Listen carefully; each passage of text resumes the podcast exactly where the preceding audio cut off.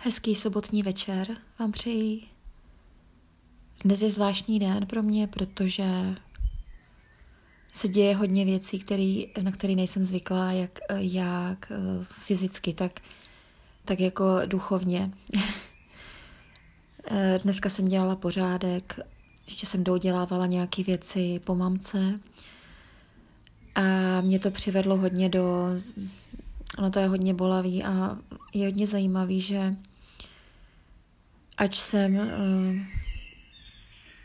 byla s mamkou do konce všechno, tak do smrti, tak když prostě, já nevím, najdu její věci, fotku nebo tak, tak mě to vždycky hrozně bolí, já začnu brečet a, a hodně se jakože hodně, hodně to bolí, prostě hodně, hodně mě chybí mamka. A, takže dneska jsem dodělávala její věci ještě vlastně, no úplně možná poslední, ne, ale prostě takový, no, tak jsem si tady pobrečila a říkala jsem si, eh, jak vlastně, že se cítím hodně, hodně sama. Vlastně tím, že nevím, mm, synové jsou velcí a mají svoje záliby,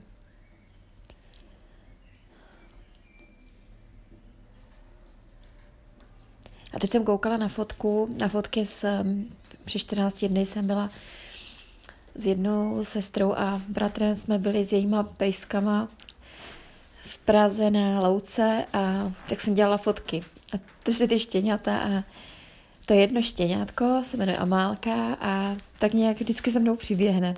A, a, a v tu chvíli, mě už jako tam, když jsem tam byla, tak mě, tak mě napadlo, že prostě takový pejska, že bych, že bych ho chtěla.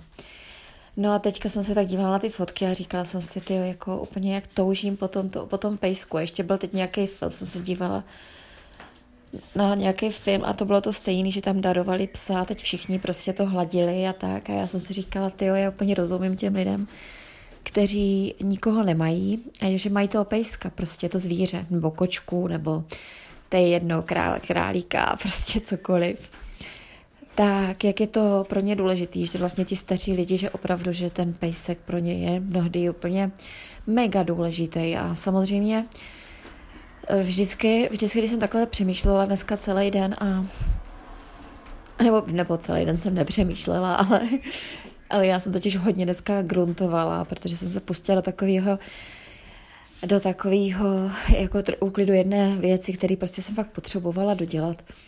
Takže jsem dneska hodně uklízela, vařila, pekla, tak, slavili jsme na rozky. A ne moje, mýho syna, 14 let. No, tak mm, je, bylo to taky dneska plný den jako různých akcí, no a a říkala jsem si, že právě, že jak mě bylo smutno, bylo, fakt mě bylo hodně dneska smutno po, po mamce, moc, moc. A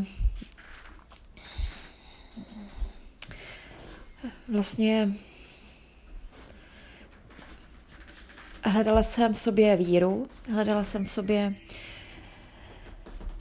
víru a hledala jsem v sobě, jak to vlastně uchopit. A mě včera v rozhovoru uh, jedna sestra v Kristu mě povídala, no ty jsi silná ve víře. a říkala mě oproti nějaké jiné sestře, já jako prostě na to, jako tak jsem to tak slyšela. Já vůbec prostě tomu nerozumím, jak někdo o mě může říct, že jsem silná ve víře, vůbec, já tak vůbec nepřipadám, jo, že za první pořád pochybuju, často to, kdo mě posloucháte podcasty, tak víte, že těch pochyb o tom, jestli jsem znovu zrozená, jestli jsem, tak tyhle ty pochyby už teda se naštěstí splynuly, tyhle, tohle už jako tu lásku a tu, to, že patřím ke Kristu, už eh, vnímám celkem naprosto jednoznačně. O, je to teda těch o, 14 dní, co se to stalo, že to vnímám úplně celé jednoznačně, ale stejně, stejně mm, já se jako, jako někdy teda opravdu jsou chvíle, dneska třeba jakože hodně, hodně chvil, kdy dolíhají tady ty myšlenky smutku a samoty a a jako obracím se vždycky k Bohu, obracím se ke Kristu, um, hledám v něm útěchu, hledám. Musím říct, že ono je to fakt zvláštní, co s člověkem dělá prostě Kristus, um, Pán Ježíš, protože ten smutek, který teďka prožívám, tak si myslím, že kdybych Ježíše neměla, nepoznala a nezachránil mě, tak eh, bych, bych to prožívala úplně jinak a úplně, úplně jinak a mnohem, mnohem hůř a mnohem by to bylo náročnější. Teďka je to nějaký smutek, je to, bolí to, bolí, bolí to, ale v tom pozadí jakoby je prostě opravdu Kristus a jako já to neumím teď popsat. Je to jako, no jak to říkám, prostě on je pořád v pozadí, takže když teda, když teda takhle v pozadí, když přijde teda ten problém, kdy, se, kdy je mě těžko, tak neustále vnímám Krista za, za tím a ono mě to vlastně nenechá do toho propadnout nějak extra. Takže já, když se vybrečím, tak prostě jsem schopná vzít Bibli nebo poslechnout si, pustit si kázání a nebo cokoliv prostě. Uh, nebo začít číst podcast nebo něco. A mimochodem, já jsem ve videu, já jsem teďka natočila video, který teda přiznám se, já jsem je nejdy zveřejnila a po jednom dnu jsem ho zase zesoukromnila, protože nevím proč. Nevím, jestli ho mám pouštět zveřejňovat. A no prostě řekla jsem tam, že, že mimochodem jsem tam zmínila i to, že jsem na, namluvila už asi 300 nebo 400 podcastů a ono je to opravdu tak, já jsem to počítala a je to opravdu tak 400, kolem 400 podcastů, možná víc, já nevím. Uh, a je to fakt jako už docela hodně. A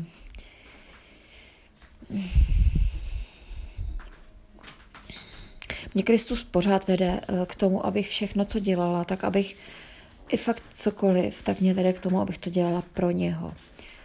A je to něco nádherného. Já teda musím říct, že tohle zažívám vlastně teď úplně poprvé. Já jsem si kolikrát dřív, když jsem byla už eh, jako obrácená, tak jsem uh, tak jsem na to myslela, vím, že jako věděla jsem, že mám dělat všechno pro Pána Ježíše Krista, ale uh, nějak mě to jakoby nešlo přirozeně, jestli mě rozumíte, jako jsem to kolikrát jsem si to říkala, třeba jsem pekla koláče nebo něco, nebo jsem pekla ty uh, pletinky, no tak jsem na to tak jako vzpomněla a že, že to jako pro pána. A jenom, že to bylo prostě úplně jiný a to jako hodně zvláštní. Teď a teď, teď prostě Teď prostě to dělám s tou láskou a je to úplně něco jiného. A říkám si, že je, eh, já jsem šťastná teda jako ve sboru. Já fakt jako nechápu, opravdu nechápu eh, lidi, kteří si říkají křesťaní a kteří jako říkají si křesťaní a nechodí do sboru, jak, eh, jak můžou jak můžou být bez, eh, bez křesťanů, bez, brate, bez bratrů a bez sester. Jako bratři mě nechybí v podstatě, protože s nimi já se nějak ne, ne, neba, nebavím víc, ale eh, sestry, protože s nimi samozřejmě probírám mnohem víc, eh, mnohem víc mám na probírání než s bratry. S bratry zase bych řekla spíš jako starší, když mám problém, tak oslovuju a a že se to teďka docela nakumulovalo, tak jsem musela opravdu oslovovat třikrát starší sboru a pomohli mě moc, takže spíš, spíš za bratrama chodím pro radu. Když fakt nevím a potřebuju se vyznat v Bibli, abych, abych něco neudělala špatně, tak oslovuju většinou bratry starší nebo i bratry, který, který znám a který vím, že Bibli mají mnohem víc přečtenou než já. tak, tak takhle asi, no a prostě neumím si představit, že bych mezi ně nechodila, ne, ne, neumím si představit život, život bez nich. Na druhou stranu, a i tam se někdy cítím hrozně sama.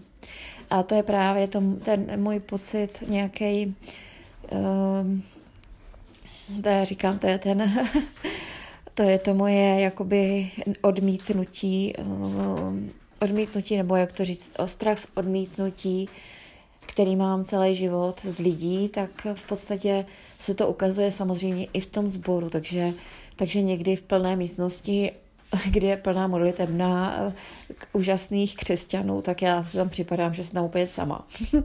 no někdy to tak jako je, no. Uh, díky bohu, prostě to není moc dlouho. uh, moc často, je to fakt občas. Um, no, jako hodně se mě mění všechno, všechno se mě mění. Nemůžu vůbec říct, že by něco bylo ve mně, v mém životě jako stejný, prostě vůbec ne.